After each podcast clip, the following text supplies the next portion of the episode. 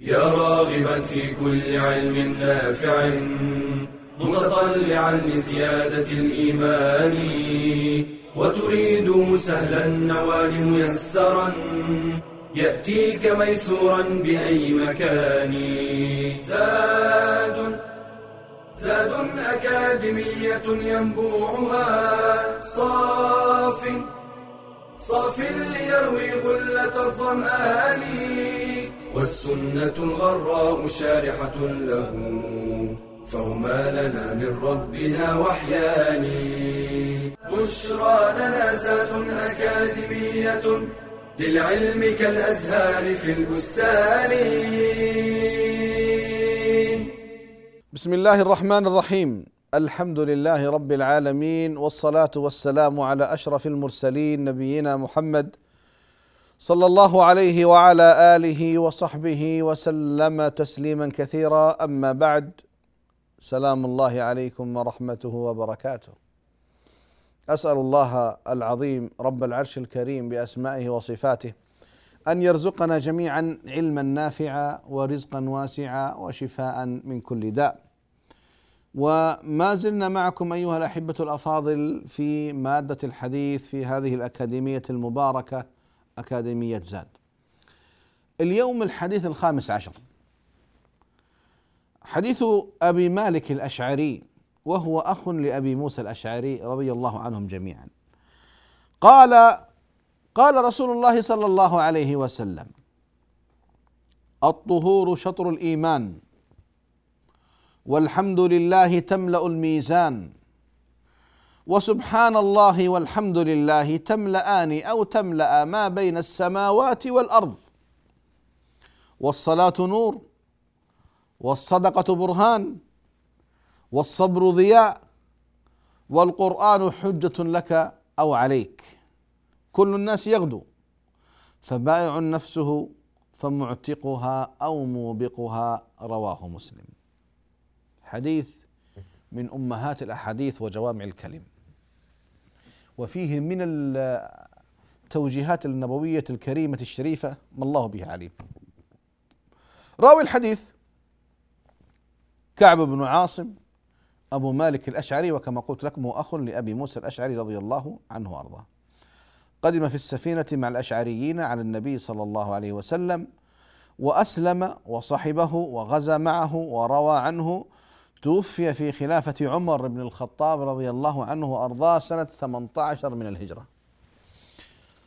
طبعا معاني الكلمات كثيرة جدا. الطهور يقال الطهور بالضم والطهور بالفتح. قال وإذا أريد به الفعل فعل الطهارة الذي هو المصدر.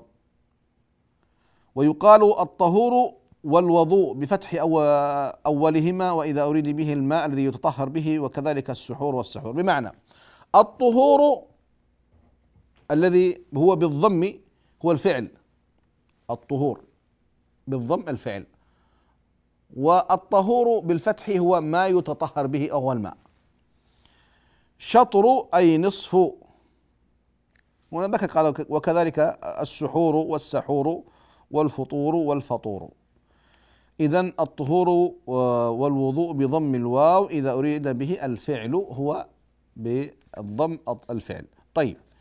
قال هنا الطهارة قسمان طهارة معنوية وطهارة بدنية.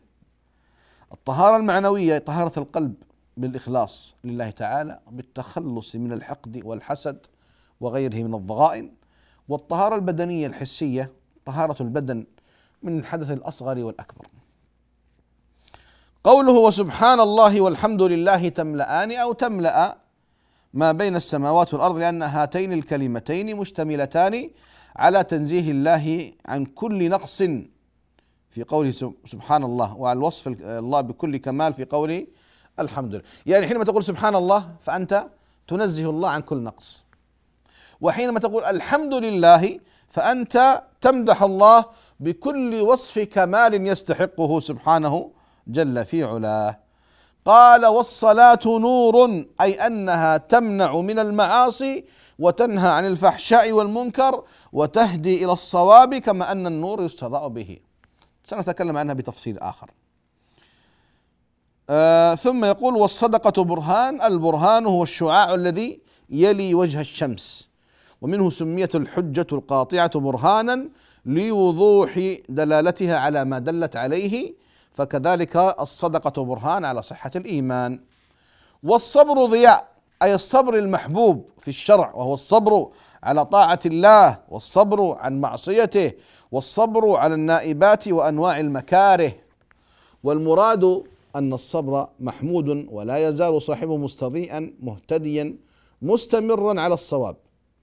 قال والقرآن حجة لك أو عليك أي تنتفع به إن تلوته وعملت فيه وإلا فهو حجة عليك. كل الناس يغدو فبائع نفسه فمعتقها أو موبقها. كل إنسان يسعى بنفسه. فمنهم من يبيعها لله بطاعته فيعتقها من العذاب. ومنهم من يبيعها للشيطان والهوى باتباعها فيهلكها بفعل المعاصي والعقوبة عليها. أحبتي في الله نحن مع هذا الحديث وهو من جوامع كلم النبي صلى الله عليه وسلم. وفيه من التوجيهات الكريمة والإشارات العظيمة ما الله به عليم. نبدأ بقوله الطهور شطر الإيمان. أيها الأحبة لم يهتم دين على وجه البسيطة بالطهارة مثل الإسلام. قديما وحديثا. ولذلك الإسلام أسس شريعته على الطهارة. الطهارة المعنوية والطهارة الحسية. الطهارة المعنوية ترك الذنوب والمعاصي. ترك كل ما يغضب الله. ترك كل ما ينهى الله عنه. ترك كل ما لا يرضاه الله سبحانه وتعالى. سواء في أعمال القلوب أو أعمال الجوارح. فلا بد أن تتطهر. ترك الذنوب والمعاصي الضغائن الحقد الحسد الغل كذا كذا. إحلال ما يحبه الله الإخلاص الأعمال الصالحة أعمال القلوب أعمال الجوارح. كل ما أمرنا الله به فهذا من الطهارة. فالطهارة تخلية وتحلية. تخلي قلبك وجوارحك عما يغضب الله وتحليها بما يرضى الله سبحانه وتعالى. وقال الطهور شطر الإيمان. طيب إذا تكلمنا عن الطهارة إيش؟ المعنو المعنوية. نأتي إلى الطهارة الحسية الطهارة البدنية. نجد أن الإسلام اهتم بهذا أيضا. أن تكون بعيدا عن الحدث الأكبر وكذلك بعيدا عن الحدث الأصغر. والمسلم أيها الأحبة يكون دائما طاهر على طهارة هذا الأصل فيه. وهكذا كان النبي صلى الله عليه وسلم يا أحبابي إن حتى لو انقض وضوءك يستحب لك تذهب فتتوضأ فتكون دائما على طهارة كما كان صلى الله عليه وسلم. على نظافة وبالمناسبة بالمناسبة ليس هناك دين على وجه الأرض اهتم بالنظافة الحسية مثل ما اهتم بها الإسلام. ابدا. في حديث مشهور عند الناس النظافه من الإيمان. معناه صحيح لكنه غير صحيح. في سنده وكذا لا غير صحيح. ما ثبت عن النبي صلى الله عليه وسلم. لكن معناه صحيح النظافه من الإيمان. نظافة قلبك. نظافة حسية ومعنوية. نظافة بدنك. نظافة حسية معنويه نظافة صحيفتك. ما فيها ذنوب ما فيها معاصي. ناتي لقضية النظافة الحسية وهي مهمة جدا. كيف الإسلام اهتم بنظافة الجسد. الوضوء خمس مرات في اليوم. وكل مرة يعني ثلاث مرات تغسل العضو. عجب أذكر قصة قرأتها زمان من زمن. أن شابا مسلم كان في الغرب يتوضا فكان أحد الكفار يعني يعتب عليه يتهكم عليه من هذا الفعل اللي فيه نوع من يعني عدم الانضباط. وبعثرة الماء. فقال له إن قدمي أنظف من وجهك. فغضب وأزبد وأرعد. كيف تقول الكلام هذا؟ قال له طيب لحظة. أنا أسألك سؤال. كم مرة تغسل وجهك في اليوم والليلة؟ قال له مرة مرة واحدة. ممكن مرة واحدة ممكن مرة واحدة. طيب. قال أنا أغسل قدمي في اليوم والليلة 15 مرة. قال له كيف؟ قالوا أنا قدمي أغسلها في اليوم والليلة 15 مرة. أيهما أنظف؟ قدمي أو وجهك؟ فبهت الذي كفر. الشاهد نعم نحن كمسلمين النظافة عندنا مبدأ مبدأ مهم جدا وهو متعلق بعبادات كثيرة. سنعود إليكم إن شاء الله بعد الفاصل لنكمل حديثنا بإذن الله تعالى.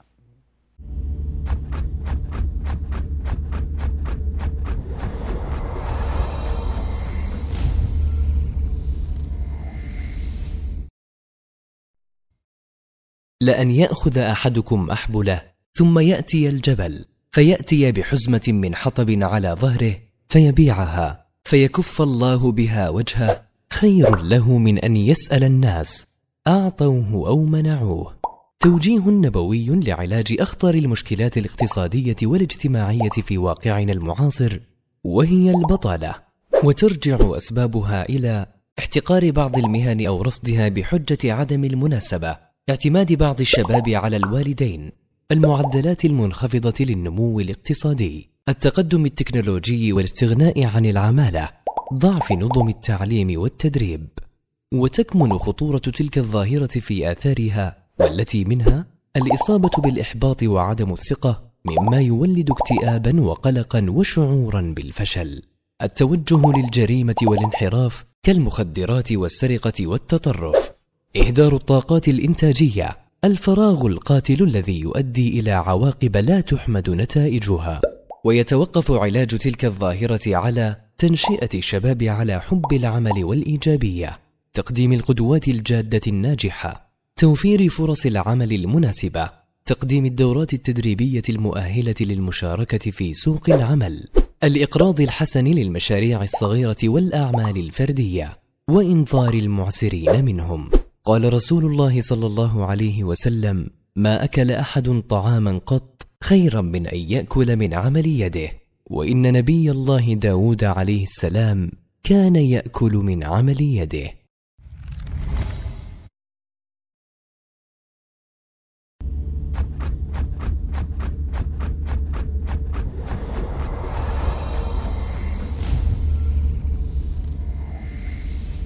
بسم الله الرحمن الرحيم الحمد لله والصلاة والسلام على رسول الله وعلى آله وصحبه ومن والاه وبعد ما زال حديثنا أيها الأحبة عن الطهور شطر الإيمان قلت أن الإسلام اهتم بالنظافة أيما اهتمام كثير من العبادات في الدين مرتبطة بالنظافة أنا كلامي الآن عن النظافة إيش الحسية يعني الوضوء يوميا خمس مرات آه غسل الجنابة هذا مهم جدا.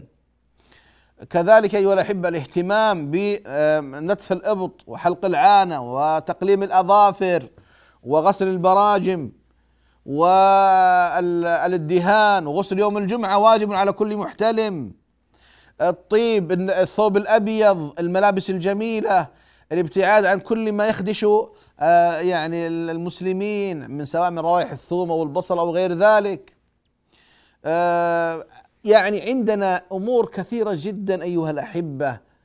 أنت مطالب بأن تقيم في في بيتك في حياتك في أسرتك في دينك.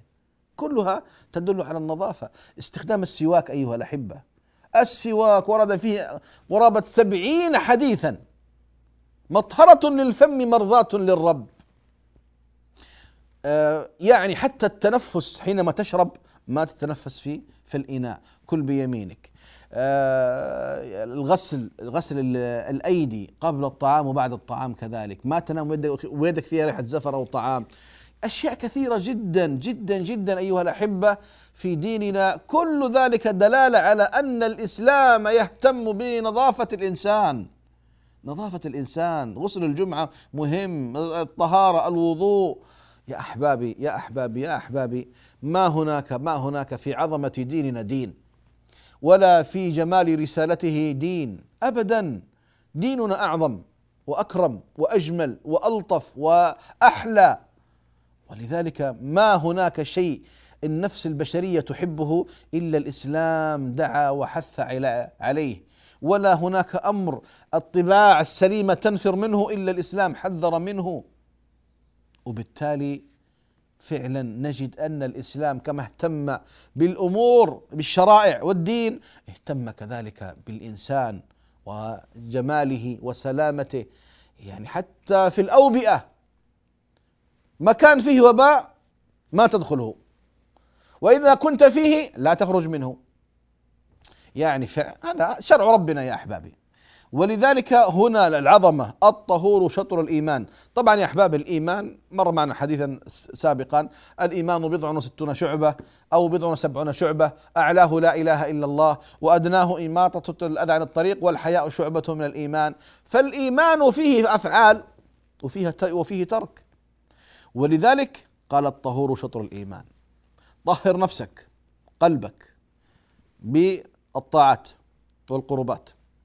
والحسنات. وما يحبه الله سبحانه وتعالى وما يرضاه الله سبحانه وتعالى. ابتعد عن الذنوب والمعاصي الحقد الغل الكراهية البغض كل ما تنفر منه الطباع السليمه ابتعد عنه. كن طاهرا. طاهرا معنويا وطاهرا حسيا. كن مثالا كما كان صلى الله عليه وسلم. يا أحبابي لقد كان لنا في رسول الله أسوة حسنة. ولذلك ينبغي الإنسان أن يقتدي بالنبي صلى الله عليه وسلم في طهارته الحسية وفي طهارته البدنية المعنوية. دائما تتشبه بالرسول صلى الله عليه وسلم في كل صغيرة وفي كل كبيرة. طيب. نأتي الجملة الثانية الطهور شطر الإيمان. والحمد لله تملأ الميزان. يا الله يا الله يا الله لك الحمد كما ينبغي لجلال وجهك ولعظيم سلطانك.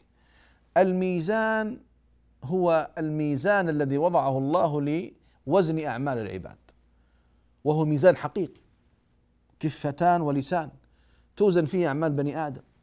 وفي الحديث وفي الحديث أنه يؤتى بالرجل السمين يوم القيامة فيوضع في الميزان فلا يزن عند الله جناح بعوضة.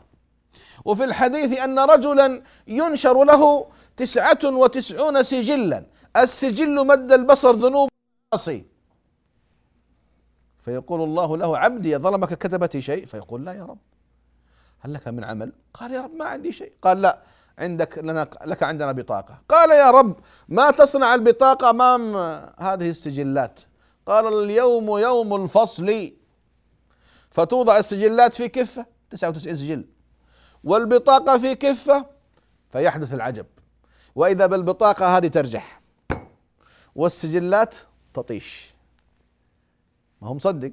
فيذهب يأخذ هذه البطاقة وإذا فيها أشهد أن لا إله إلا الله. وأشهد أن محمدا رسول الله. إذا الميزان له كفتان. توزن به الأعمال. طيب. قال والحمد لله تملأ الميزان. أحبتي في الله هذه الكلمة تعدل أو يمكن لو قلنا من باب النسبة والتناسب يعني يمكن تعدل ربع الأرض. لأن النبي صلى الله عليه وسلم في حديث أحبابي ماذا يقول؟ لأن أقول سبحان الله والحمد لله ولا إله إلا الله والله أكبر أحب إلي من الدنيا وما عليها. يعني أربع كلمات أعظم من الدنيا. إذا قلنا بس من باب التقريب نسبة وتناسب يعني الكلمة الواحدة تعدل ليش؟ ربع الدنيا. كلمة الحمد لله تملأ الميزان. كلمة عظيمة يا أحبابي. النبي صلى الله عليه وسلم يقول أفضل الذكر أفضل الذكر لا إله إلا الله وأفضل الدعاء الحمد لله. أفضل ما تدعو به ربك يا عبد الله أن تحمد الله. طيب ليش؟ إيش السر؟ إليك السر. لأن الله سبحانه وتعالى ماذا يقول؟ وإذ تأذن ربكم لئن شكرتم لأزيدنكم ولئن كفرتم إن عذابي لشديد. أنت كلما تقول الحمد لله الحمد لله الحمد لله الحمد لله أنت تثني على الله تدعو الله وأن لك الحمد يا رب على كل نعمك فالله يزيدك. يزيدك. يزيدك. وكلما حمدت الله زادك الله. ماذا تريد أعظم من هذا يا عبد الله؟ أفضل الدعاء الحمد لله. تحمد الله دعاء فيعطيك الله أكثر وأكثر وأكثر وأكثر. جاء في في حديث أن أحب العباد إلى الله يوم القيامة الحمادون. الحمادون. من هم الحمادون؟ الذين يكثرون الحمد. يحمدون الله سبحانه وتعالى. ولذلك يقول صلى الله عليه وسلم إن الله لا يرضى عن العبد إن الله لا يرضى عن العبد إذا أكل اللقمة فحمده عليها أو شرب الشربة فحمده عليها. يا الله يعني الله يرزقني ويعطيني قوة وعافية وآكل وأشرب وأقول الحمد لله ويرضى الله عني. الله أكبر الله أكبر. ما يفعل الله بعذابكم إن شكرتم وآمنتم وكان الله شاكرا عليما. ما يفعل الله بعذابكم. لذلك أيها الأحبة سبحان الله نتلمس لطف الله في كل شيء. يظهر لطف الله يا أحبابي في كل شيء. يرزقك ويعطيك العافية. وتأكل وتشرب وتقول الحمد لله فيغفر الله لك. من لبس ثوبا جديدا فقال الحمد لله الذي كساني هذا ورزقني هذا وكسانيه من غير حول مني ولا قوة غفر له ما تقدم من ذنبه. بل في رواية ما تقدم من ذنبه وما تأخر بمعنى كلما حمد الله فإن الله يغفر له. يا أحبابي كلمة عظيمة والحمد لله تملأ الميزان نحمد الله تعالى. فاصل ثم نعود إليكم.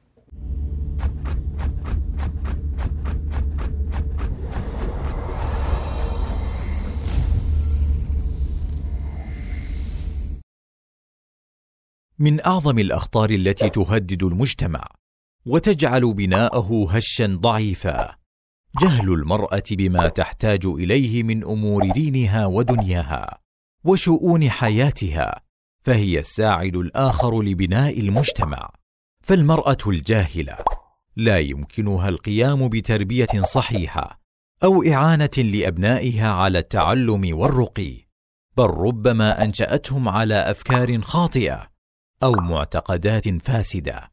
فبالجهل تتبرج المرأة فتفتن نفسها وغيرها وبالجهل تضيع المرأة حق زوجها وتنفره من البيت فيتفرق شمل الأسرة. وبالجهل وقعت كثير من النساء في الخرافات والسحر والشعوذة. فالواجب على المرأة أن تحرص على طلب العلم والا يمنعها الحياء من ذلك فإنه لا حياء في طلب العلم كما قالت أم المؤمنين عائشة رضي الله عنها نعم النساء نساء الأنصار لم يكن يمنعهن الحياء أن يتفقهن في الدين.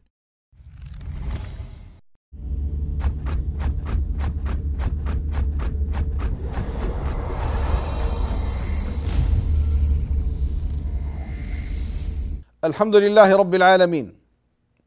والصلاة والسلام على أشرف المرسلين نبينا محمد صلى الله عليه وعلى آله وصحبه وسلم تسليما كثيرا. وبعد فما زلنا أيها الأحبة في الجملة الثالثة من هذا الحديث أو الجملة الثانية والحمد لله تملأ الميزان. ولذلك قلنا لكم أن أفضل الدعاء كما قال صلى الله عليه وسلم الحمد لله. تحمد الله فيعطيك. ويزيدك ويعطيك ويزيدك تحمد ويعطي تحمد ويعطي. إذا لا يفتر لسانك يا عبد الله أن هذه الكلمة الحمد لله الحمد لله الحمد لله. يا إخواني فيها من الأحاديث الشيء الكثير وهي من أعظم الأعمال في ميزانك. يقول صلى الله عليه وسلم بخ بخ خمس ما أثقلهن في الميزان. ما هن يا رسول الله؟ قال سبحان الله والحمد لله. ولا إله إلا الله والله أكبر والولد يموت للرجل فيحتسبه عند ربه. أو كما قال صلى الله عليه وسلم الشاهد ورد فيها أحاديث كثيرة كثيرة جدا والإنسان عليه أن يحمد الله سبحانه وتعالى وإذ تأذى ربكم لئن شكرتم لأزيدنكم ولئن كفرتم إن عذابي لشديد. بل نحمد الله ونشكر الله ونثني على الله والله سبحانه وتعالى يتولى المزيد سبحانه جل في علاه. ولذلك كلمة عظيمة دائما تذكروها. الحمد لله الحمد لله الحمد لله. طبعا آه، ننتقل إلى الجملة الثالثة ألا وهي قال وسبحان الله والحمد لله. ها؟ هذيك الآن الحمد لله لوحدها. الآن جينا مركبة. وسبحان الله والحمد لله كلمتين أو كلمتان. تملأان أو تملأ ما بين السماوات والأرض. يا الله. ما أعظمك وما أكرمك وما أجلك. وسبحان الله والحمد لله تملأان أو تملأ. ما بين في رواية ما بين السماء والأرض لا وهذه الرواية التي عندنا الآن ما بين السماوات والأرض. كلمتين يا أحبابي. كلمتان. كلمتان. تملأ ما بين السماوات والأرض. وقف. كم بين السماء والأرض أيها الأحبة؟ في الحديث إنه ما بين الأرض والسماء الدنيا مسيرة 500 عام. وبين وسمك السماء الدنيا آسف 500 عام. وبين الأولى والثانية 500 عام. وسمك الثانية 500 عام. وبين الثانية والثالثة 500 عام. والثالثة 500 عام. إلى العرش. يعني قرابة كم يا أحبابي؟ يعني قرابة 3500 سنة. هذا في الحديث. طب الآن العلم العلم الآن العلم الآن يا أحبابي تعالوا بنا يقول يذكرنا بعض الإحصائيات. وما هي علوم المسلمين ترى؟ ها؟ علوم الغرب. الذين تفوقوا علينا في في علوم الطبيعة بشكل كبير جدا. يا أحبابي الآن آخر مجرة تم اكتشافها آخر مجرة تم اكتشافها ها؟ في آه، في في في هذا الكون طبعا إحنا نعيش في مجره درب التبانة. لا مجرة غير هذه المجرات اللي اللي عند التي نعلمها. آخر مجرة بينها وبين الأرض كم تتوقعون يا أحبابي؟ بينها وبين الأرض 13 وثلاثة من عشرة مليار سنة ضوئية. عيد الرقم مرة ثانية. 13 وثلاثة من عشرة مليار سنة ضوئية. سنة ضوئية؟ نعم سنة ضوئية. سنة ضوئية يا أحبابي يعني بسرعة الضوء. الضوء يقطع في الثانية ثلاثمائة ألف كيلو. في الثانية. في الدقيقة يقطع 18 مليون. 18 مليون. في السنة يقطع آه، تسعة تريليون وستة وأربعين من مئة تريليون في السنة. الأرقام أرقام علمية. الضوء يقطع في السنة يا أحبابي السنة الضوئية تسعة تريليون وستة وأربعين من مئة من التريليون كيلو في السنة الضوئية. فالآن أقرأ المجرة الأخيرة اللي تم اكتشافها. بينها وبين الأرض 13 وثلاثة من عشرة مليار سنة ضوئية. لسه ما وصلوا للسماء الدنيا. بكل بساطة يخبرنا قدوتنا صلى الله عليه وسلم وحبيبنا ورسولنا الكريم أن سبحان الله والحمد لله تملأ ما بين السماوات والأرض. العلم الآن يا أحبابي لم يصل إلى السماء الدنيا. وآخر مجرة تم اكتشافها بيننا وبينها كم قلنا؟ 13 وثلاثة من عشرة مليار سنة ضوئية. أي مسافة هذه؟ أي خلق هذا؟ تبارك الله أحسن الخالقين.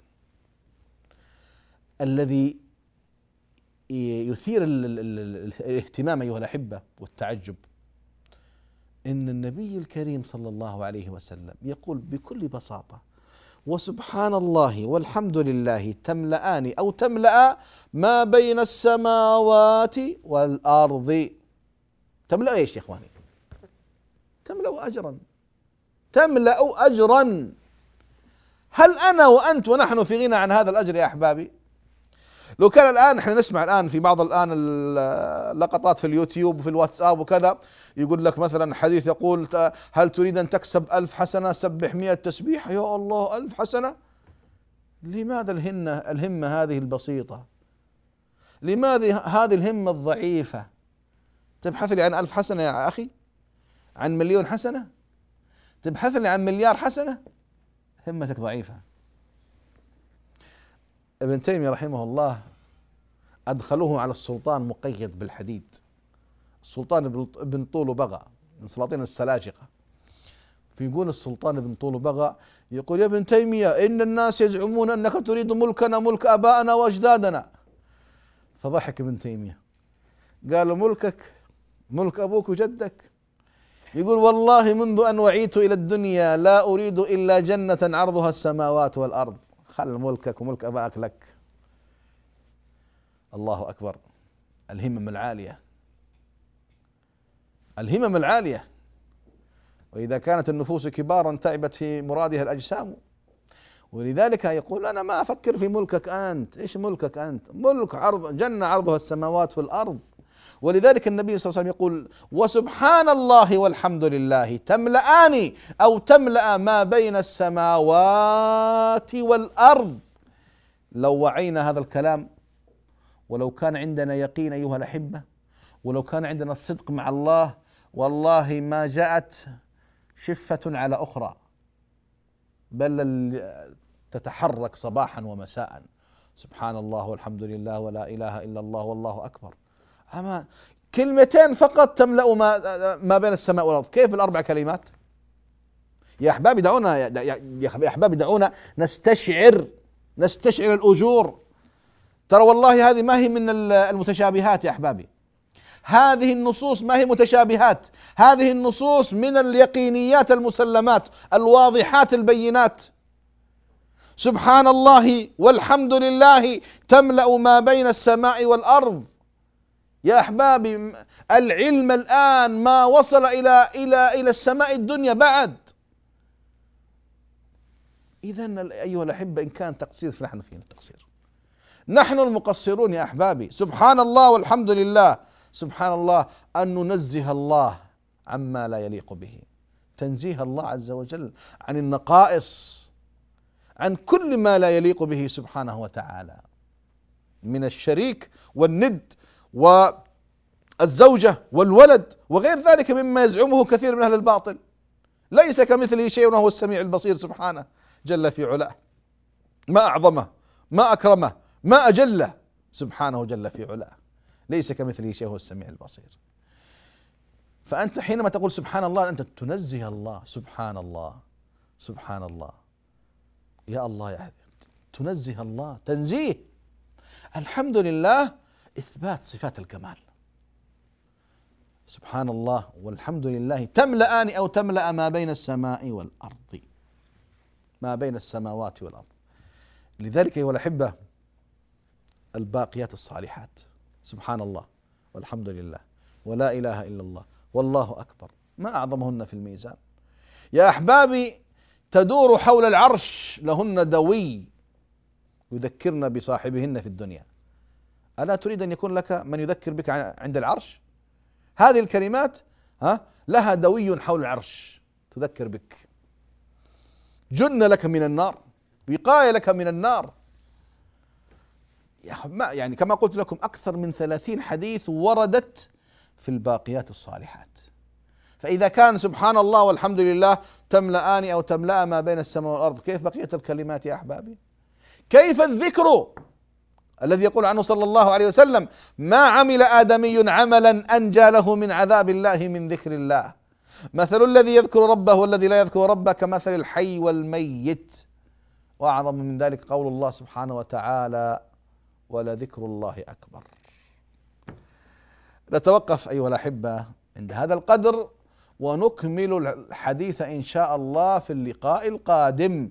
أسأل الله سبحانه وتعالى أن يرزقنا جميعا علما نافعا ورزقا واسعا وشفاء من كل داء. اللهم أعنا على ذكرك وعلى شكرك وعلى حسن عبادتك. اللهم اغفر للمؤمنين والمؤمنات الأحياء منهم والأموات.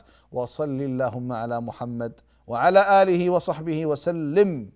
والحمد لله رب العالمين. يا راغبا في كل علم نافع. متطلعا لزيادة الإيمان وتريد سهلا النوال ميسرا يأتيك ميسورا بأي مكان. زاد زاد أكاديمية ينبوعها صاف صاف ليروي غلة الظمآن والسنة الغراء شارحة له. فهما لنا من ربنا وحيان بشرى لنا زاد أكاديمية للعلم كالأزهار في البستان.